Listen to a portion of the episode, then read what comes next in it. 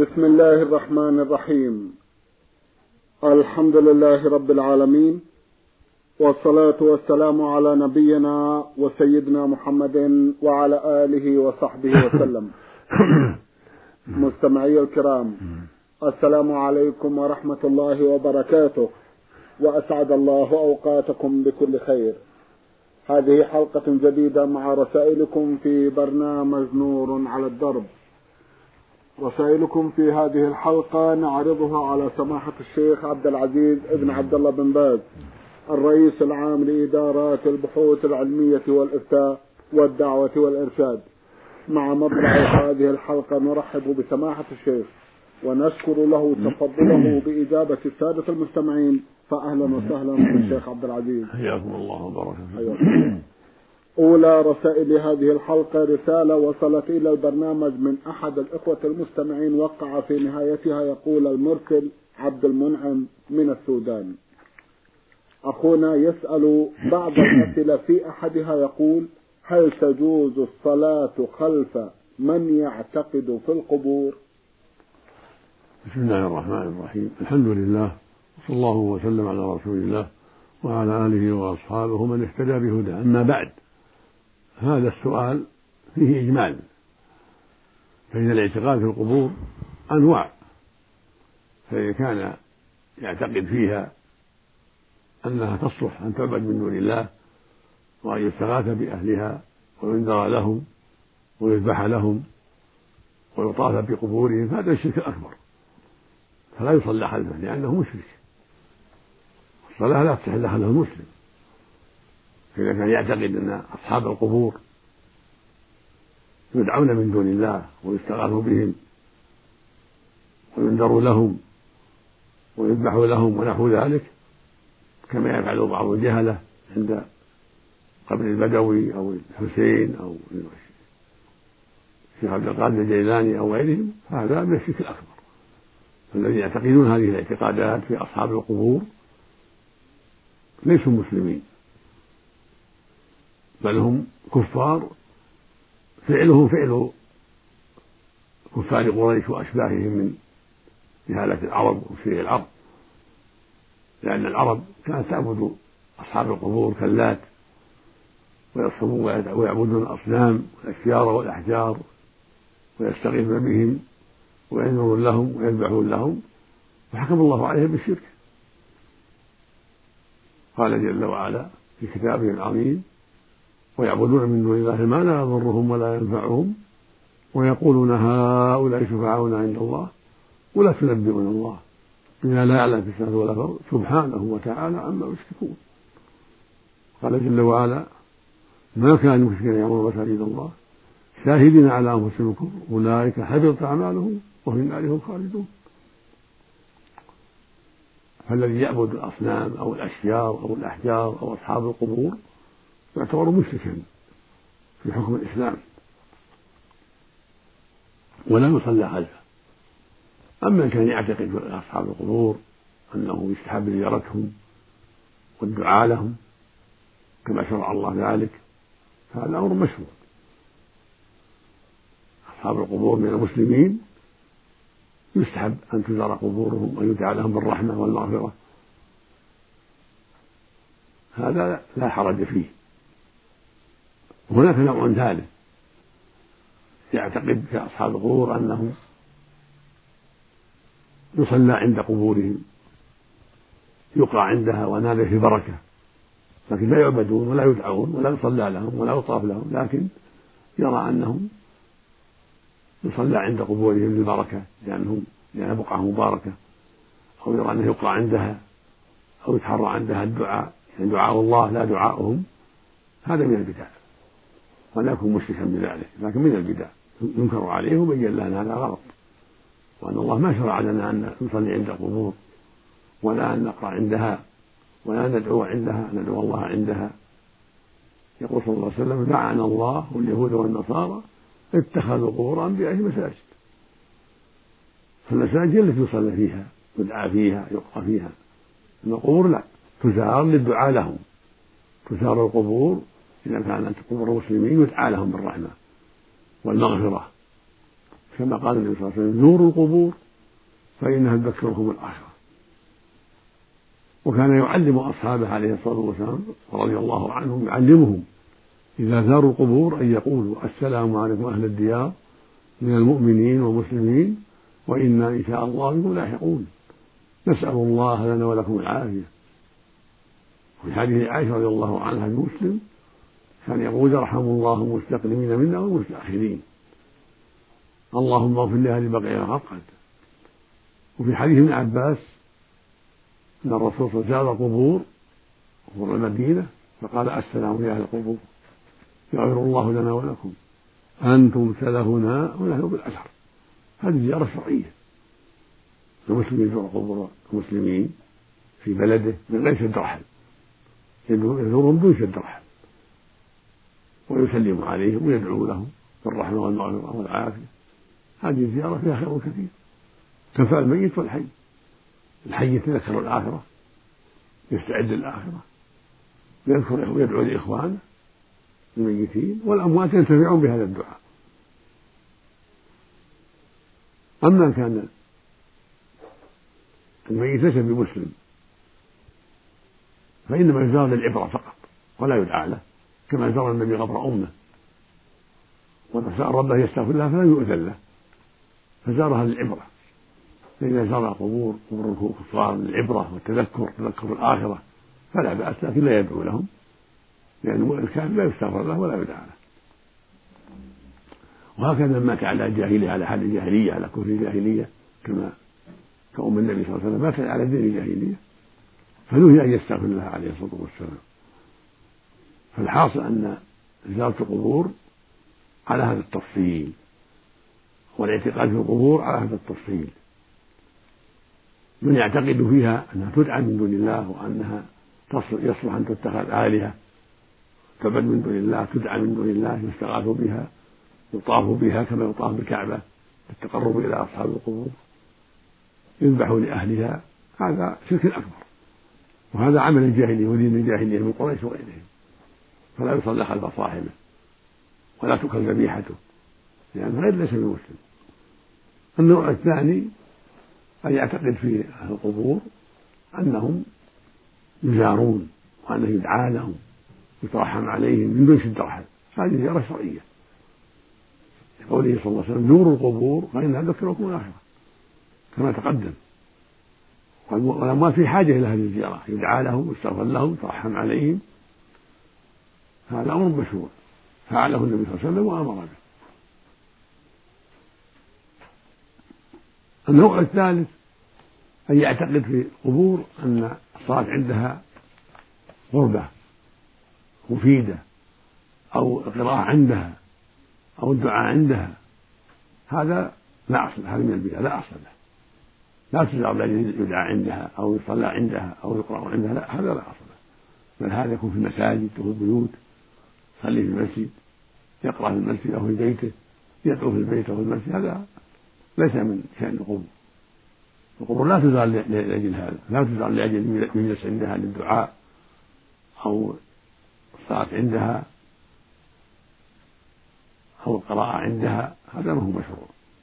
بل هو من البدع ومن وسائل الشرك. نسأل الله للجميع التوفيق والهداية. نعم.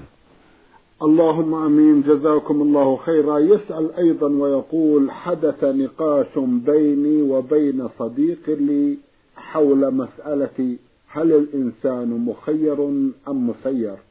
أفيدونا عن هذا القول. جزاكم الله خيرا. الإنسان مخير لأن الله أعطى مشيئة وأعطاه إرادة فهو يعلم ويعمل. وله اختيار وله مشيئة وله إرادة. يأتي الخير عن بصيرة وعن علم وعن إرادة وهكذا الشر. كما قال تعالى لمن شاء منكم أن يستقيم وما تشاءون إلا أن شاء الله رب العالمين. قال سبحانه تريدون عرض الدنيا والله يريد الآخرة. فجعل لهم إرادة وجعل لهم مشيئة. قال سبحانه إن الله خبير ما تصنعون إن الله خبير ما تفعلون. إن الله خير ما تعملون فجعل لهم عمل وجعل لهم صنع وجعل لهم فعل. هم يفعلون الشر والخير.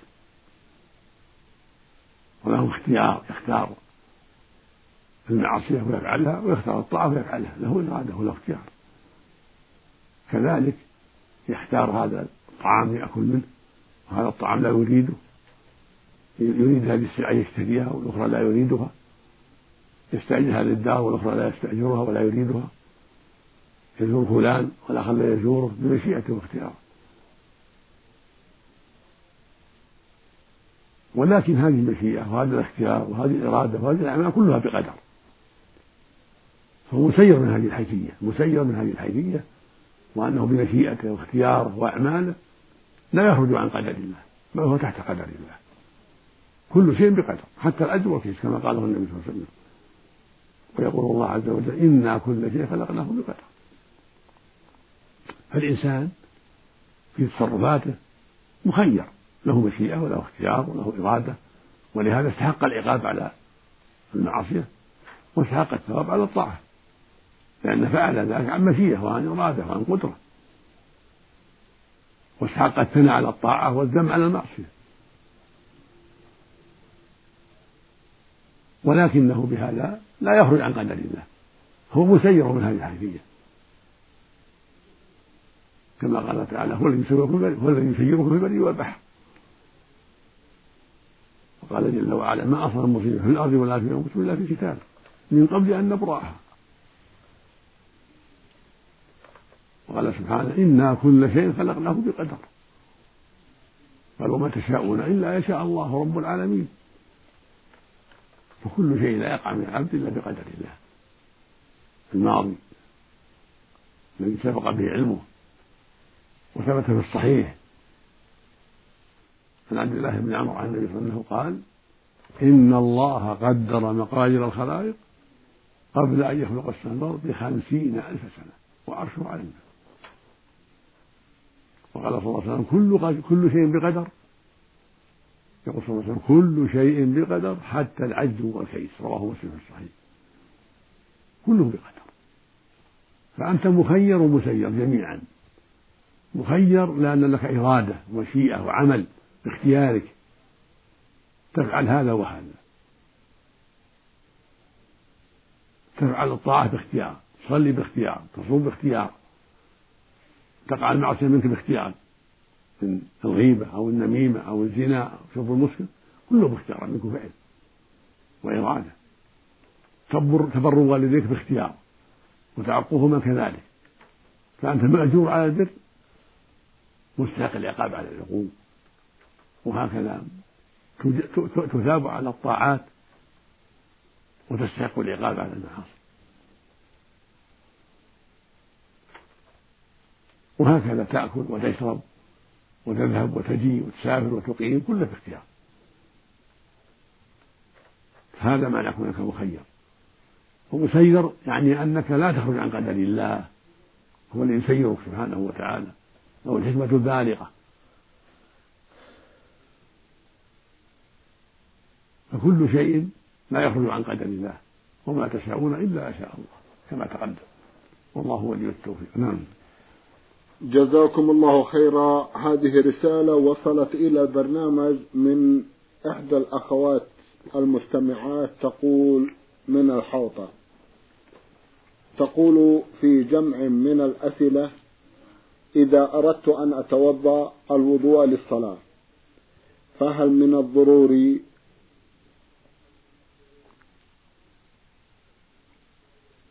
نعم. تقول هل يجوز للمرأة أن تقص شعرها من الأمام أو الخلف سواء للتجمل أمام زوجها أو لغير ذلك؟ وهل يجوز أن تقص وهي حائض؟ جزاكم الله خيرا. قص الشعر تركه أولى لأن الشعر جمال الرأس جمال طوله جمال. لكن إذا دعت الحاجة أو الزينة إلى قص بعضه فلا بأس.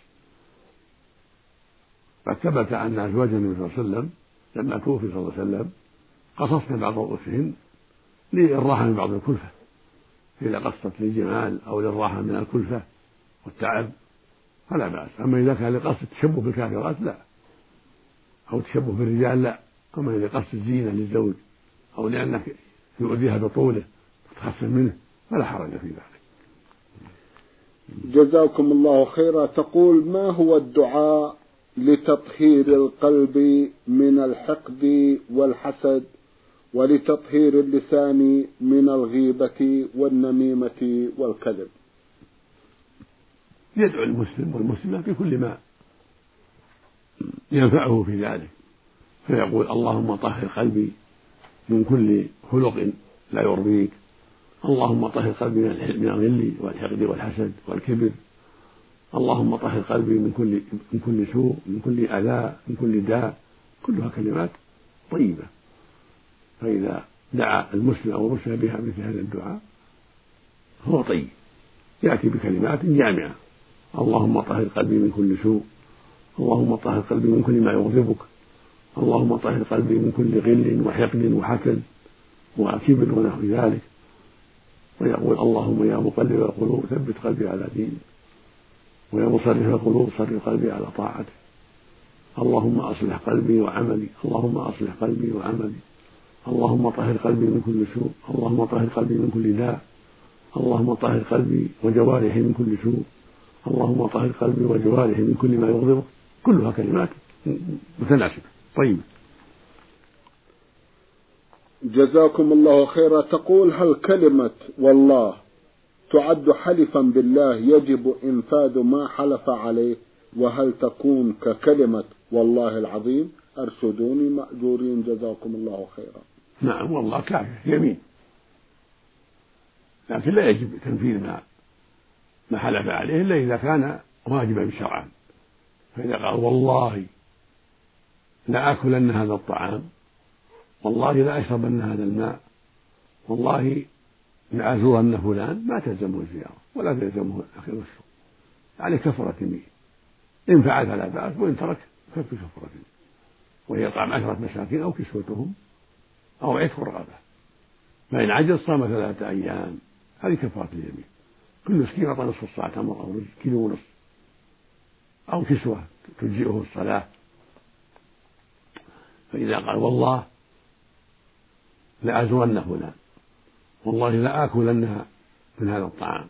والله لأشربن من هذا اللبن أو من هذا الماء. هو مخير إن شاء فعل. ولا كفارة عليه. وإن شاء ترك فعليه كفارة اليمين أو قال والله لأسافرن اليوم إلى مكة أو إلى كذا. هو مخير إن شاء سافر وإن شاء ترك. فإن ترك عليه كفارة يمين وإن سافر فلا بأس. أما إذا كان المحلوف عليه واجب أو معصية يلزم فعل الواجب وترك المعصية فإذا قال والله لأصومن رمضان. والله لا لأصلين الصلوات الخمس. يلزم أن يصلي ولو ما حلف. تكون اليمين تأكيد. والله لا أكذب. يلزمه أنه لا يكذب. ولو ما حلف. فاليمين تكون تكذيب والله لا أعمل بالربا. يلزمه لا يعمل بالربا. والله لا أغتاب أحدا. يعني يلزمه لا يغتاب أحد. فاليمين تأكيد. تؤكد هذا الشيء. أما إذا قال والله لأقتلن فلان. يعني بغير حق. هذا ما يجوز له. هذه كفارة يمين ولا يجوز قتل فلان بغير حق. أو قال والله لأزنين أو لأشربن الخمر. لا يجوز له. هذا حرام. من الكبائر العظيمة. وعليه كفارة يمين عن يمينه. أو والله لا أطيع والدي. أو لا أصل رحمي. كل هذا منكر. كفر عن يمينه يبر والديه ويصل رحمه وهذه أمثلة يعرف بها ما سواها نعم. جزاكم الله خيرا. أخيرا تسأل وتقول هل يجوز للمرأة أن تدخل السوق مع محرمها؟ ولكنه يبقى في السيارة وهي تنزل تقضي حاجتها مع أنها متحجبة وفي بعض الأحيان تخرج كفيها للحاجة فقط. الذهاب إلى السوق ما يحتاج إلى محرم إذا كان السوق آمن والطريق آمن ما في خطر فلا حاجة إلى محرم المحرم في السفر. أما إذا ذهب مع المحرم لخوف عليها من أذى السفهاء أو لأن السوق يكون فيه اختلاط يخشى منه أو ما أشبه من الخطر فلا بأس. يكون معها المحر طيب أو معها نساء أمينات طيبات واحدة أو أكثر. إذا كانت تخشى من ذهابها وحدها. تذهب معها امرأة طيبة أو أكثر للتعاون معها على شراء الحاجة والرجوع. على كل حال إذا كان ما هناك خطر فلا ضرر إلى محرم ولا غيره. أما إذا كان السوق فيه خطر أو تخشى من خطر أو تخشى من أذى بعض السفهاء يكون معها محرم أو يكون معها بعض النساء الطيبات اللاتي يعنها على السلام من الأذى. والحمد لله. ولا تكشف يديها ولا غير يديها عليها الحجاب. الكف عورة والوجه عورة والقدم عورة المرأة كلها عورة. يقول الرب عز وجل وإذا سألتم متاعا فاسألوهن من وراء حجاب. ذلكم أطهر لقلوبكم وقلوبهن. حديث يقول صلى الله عليه وسلم المرأة عورة. ولم يقل ولم يقل إلا وجهها أو إلا يديها جعلها عورة. فعليها أن تستتر ويقول الرب عز وجل ولا يبدين زينتهن إلا لبعولتهن واليد من الزينة والوجه من الزينة وإذا كان في اليد حلي أو خطاب صار الأمر أعظم. نعم. جزاكم الله خيرا. أحد الإخوة المستمعين رمز إلى اسمه بالحروف ألف عين لام من الرياض يقول يقول الرسول صلى الله عليه وسلم في الحديث الذي يرويه عبادة بن الصامت لا صلاة لمن لم يقرأ بفاتحة الكتاب. وفي هذا الحديث لم يخصص الذي يصلي وراء إمام والذي يصلي منفردا. نرجو أن تشرحوا لنا هذا الحديث شرحا كاملا. جزاكم الله خيرا. هذا الحديث من أصح الأحاديث. عن النبي صلى الله عليه وسلم رواه البخاري ومسلم في الصحيحين وغيرهما. يقول صلى الله عليه وسلم لا صلاة لمن لم يقرأ بفاتحة الكتاب. في اللفظ الآخر بأم القرآن. وفي الباب أحاديث أخرى. ولهذا احتج العلماء بهذا الحديث على أنها ركن في الصلاة لا بد منها. في حق الإمام والمنفرد. عند أكثر أهل العلم. لا بد من قراءة الفاتحة في حق الإمام والمنفرد. بهذا الحديث الصحيح وما جاء في معناه. واختلف العلماء في حق المأموم. هل تجب عليه أم تكفي قراءة الإمام؟ ذهب الأكثرون إلى أنها تكفي قراءة الإمام. واحتجوا بما يروى عنه صلى الله عليه وسلم أنه قال من كان له إمام فقراءته له قراءة. وقالوا أنه يسمع قراءة الإمام والإمام ضامن الصلاة يكفي قراءة الإمام. وهكذا في السرية وقال بعض أهل العلم إنما هذا في الجهرية لأن يسمع قراءته. أما في السرية فلا بد أن يقرأ. لأن لا يسمع قراءة إمامه وذهب آخر من أهل العلم إلى أنها أنه لا بد أن يقرأ ولو في الجهرية لأنه ورد لعم هذا الحديث ولأنه ورد عنه صلى الله عليه وسلم أنه قال لعلكم تقرؤون خلف إمامكم قلنا نعم. قال لا تفعلوا إلا بفاتحة الكتاب فإنه لا صلاة لمن لم يقرأ بها. هذا الحديث صحيح رواه أحمد وجماعة من السنن. وهو فاصل في المسألة واضح. يبين أن المأموم يقرأ الفاتحة فقط. إلا أن يعجز بأن يكون ما أمكنه القيام جاء والإمام راكع تسقط عنه. لما روى البخاري في الصحيح عن أبي بكر رضي الله عنه الثقفي أنه جاء والإمام راكع فركع. ولم يأمر النبي بقضاء وهكذا لو نسي المأموم القراءة أو تركها جاهلا بالحكم الشرعي تجزئه الركعة تجزئه الصلاة للجهل وهذا مخصص من قوله لا صلاة لمن لم يقرأ فاتحة الكتاب. لحديث أبي بكرة وما جاء في معناه. أما حديث من كان له إمام فقراءته له قراءته فحديث ضعيف. فالصواب أن المأموم يقرأ في الجهرية والسرية الفاتحة فقط. يزيد في السرية ما تيسر من بعد الفاتحة في الركعة الأولى والثالثة في الركعة الأولى والثانية من الظهر والعصر المغرب والعشاء وفي الفجر أيضا. لكن الفجر جهرية يقرأ الفاتحة فقط. المقصود في السرية الظهر والعصر في الأولى والثانية يقرأ من زيادة الفاتحة. مستحب. والفاتحة يقرأها لابد من ذلك. حتى في الجهرية يقرأ ثم ينصت. يقرأ في الجهرية ثم ينصت لإمامه هذا هو الصواب. لكن لو تركها جاهلا أو ناسيا أو جاءه الإمام راكع لم يستطع قراءتها لأن فاته القيام أجزأه ذلك عند عامة أهل عند أكثر أهل العلم. والحمد لله. نعم. جزاكم الله خيرا من العراق بغداد المستمع هشام عفيف فيما يبدو. بعث يسأل ويقول أود أن أعلمكم بأني في العام الماضي لم أستطع صيام شهر رمضان المبارك وذلك لأنه صادف في نفس الفترة امتحانات الجامعة. والتي يعتمد عليها مستقبلي. وقد قمت بالصيام بعد انتهاء الامتحانات مباشرة. فهل علي إثم؟ أرشدوني إلى الطريقة الصحيحة. جزاكم الله خيرا.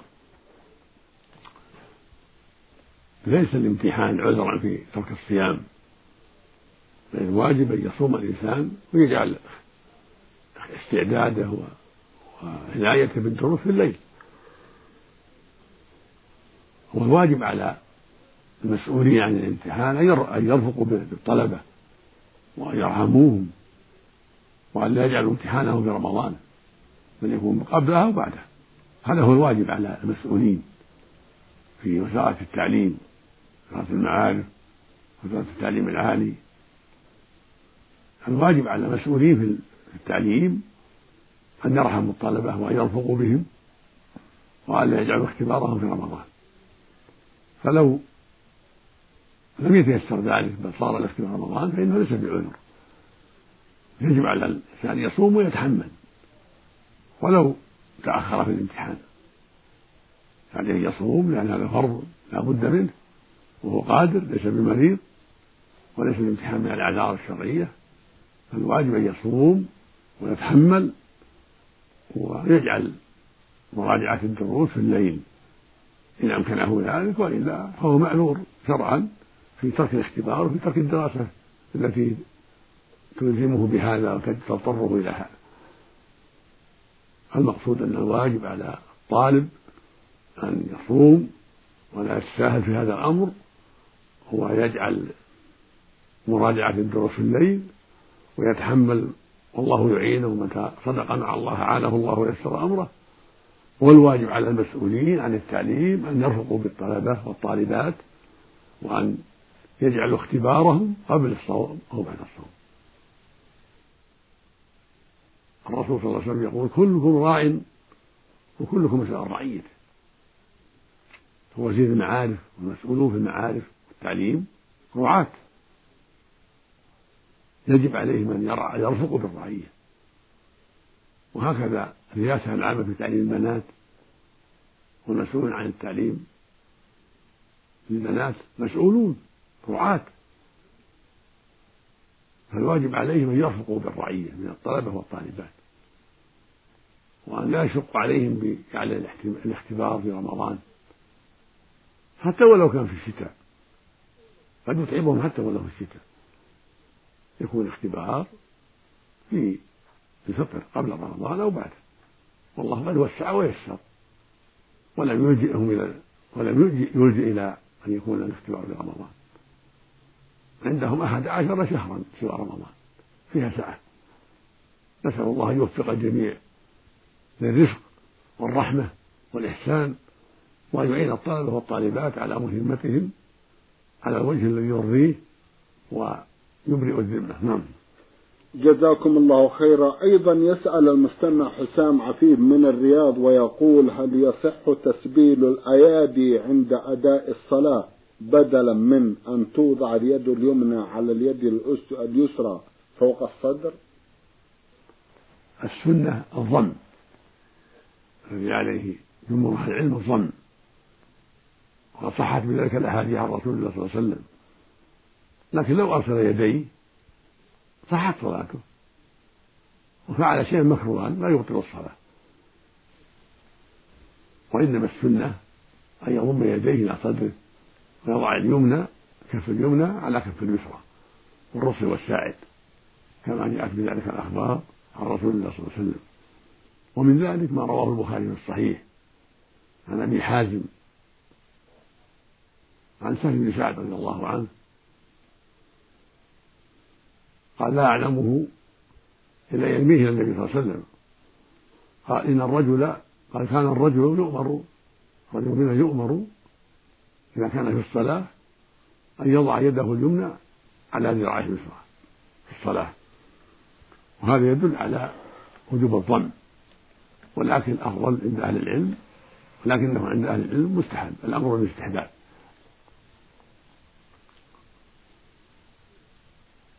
ومعلوم أن محل اليدين في الصلاة معروف.